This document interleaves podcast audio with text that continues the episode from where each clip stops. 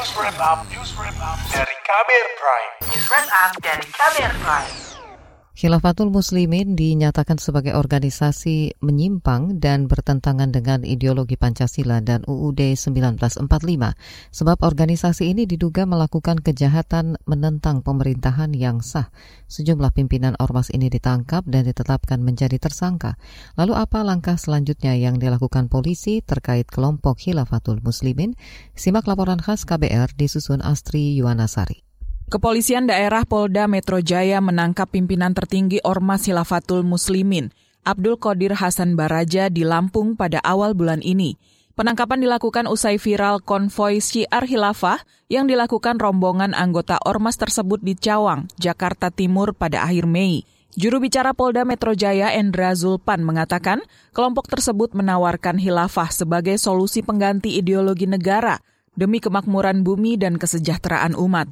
Jadi dalam hal ini kami Polda Metro Jaya tidak hanya menyidik konvoi semata, tetapi tindakan-tindakan khilafatul muslimin yang bertentangan dengan ideologi negara yaitu Pancasila.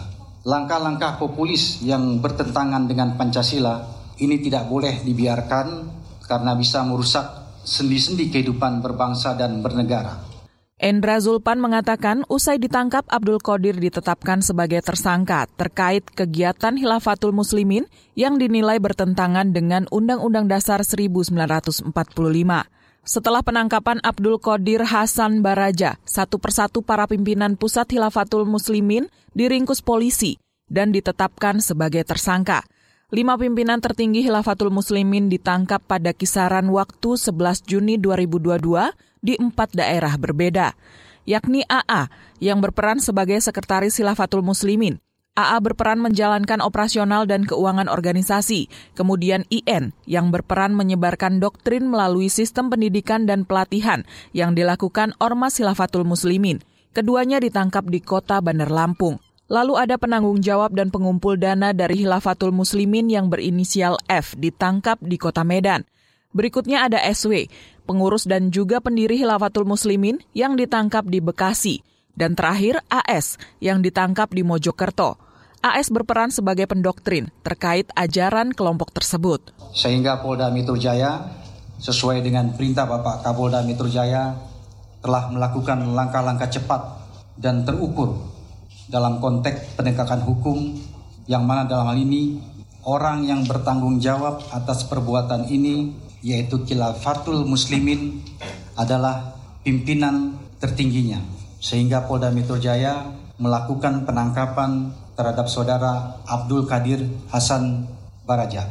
Dengan penangkapan hari ini statusnya sudah dijadikan sebagai tersangka saat ini setidaknya sudah ada 23 anggota kelompok Khilafatul Muslimin yang ditangkap dan ditetapkan tersangka. Rinciannya, 6 tersangka ditangkap di Jawa Tengah, 5 di Jawa Barat, 1 di Jawa Timur, 5 di Lampung, dan 6 di wilayah hukum Polda Metro Jaya. Para tersangka dijerat pasal tentang menyiarkan berita bohong dengan sengaja yang menimbulkan keonaran di masyarakat dan undang-undang tentang organisasi masyarakat – Selain itu, berbagai penyelidikan dan penertiban juga dilakukan oleh aparat di daerah. Di antaranya pencopotan berbagai atribut identitas Hilafatul Muslimin Kota Solo. Di Jawa Timur, Polda setempat juga telah menyita sejumlah dokumen saat menggeledah kantor Hilafatul Muslimin Surabaya Raya di Jalan Gadel Madya, Kecamatan Tandes, Rabu 8 Juni lalu.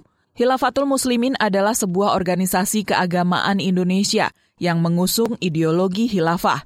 Organisasi tersebut didirikan Abdul Qadir Hasan Baraja pada 1997 dan berpusat di Lampung. Direktur Tindak Kriminal Umum di Krimum Polda Metro Jaya, Hengki Haryadi mengatakan, pendanaan kelompok Khilafatul Muslimin berasal dari dana yang wajib diberikan oleh warganya. Hengki menyebut hasil penyelidikan menemukan data puluhan ribu anggota ormas tersebut yang ditandai dengan nomor induk warga. Dari semuanya ini, warga-warganya mulai dari tingkat yang bawah wajib memberikan infak sodako per hari seribu per hari. Data yang kami dapatkan ini baru puluhan ribu, baru tahap pertama kami temukan puluhan ribu uh, data warganya.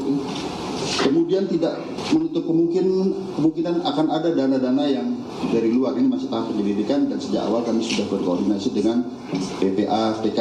Hengki menjelaskan penyebaran ajaran kelompok Khilafatul Muslimin dilakukan melalui website, buletin, dan pamflet-pamflet. Selain itu, kata Hengki, kelompok ini juga melakukan pengkaderan dan pendidikan melalui sekolah-sekolah yang didirikan. Setelah kami koordinasi dengan Kementerian Agama bahwa apa yang disebut mereka sebagai pesantren itu bukan pesantren karena tidak memenuhi persyaratan sebagai pesantren. Nah, mereka memiliki 25 pondok pesantren sementara ya, tetapi apabila dihitung unitnya karena ada tingkatannya itu terdiri dari 31. Ini baru sementara kami akan berkembang terus mencari sekolah-sekolah yang terafiliasi.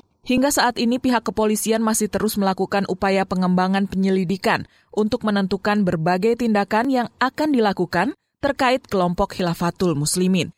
Demikian laporan khas KBR, saya Astri Yuwanasari. Kamu baru saja mendengarkan news wrap up dari KBR Prime. Dengarkan terus kbrprime.id, podcast for curious mind.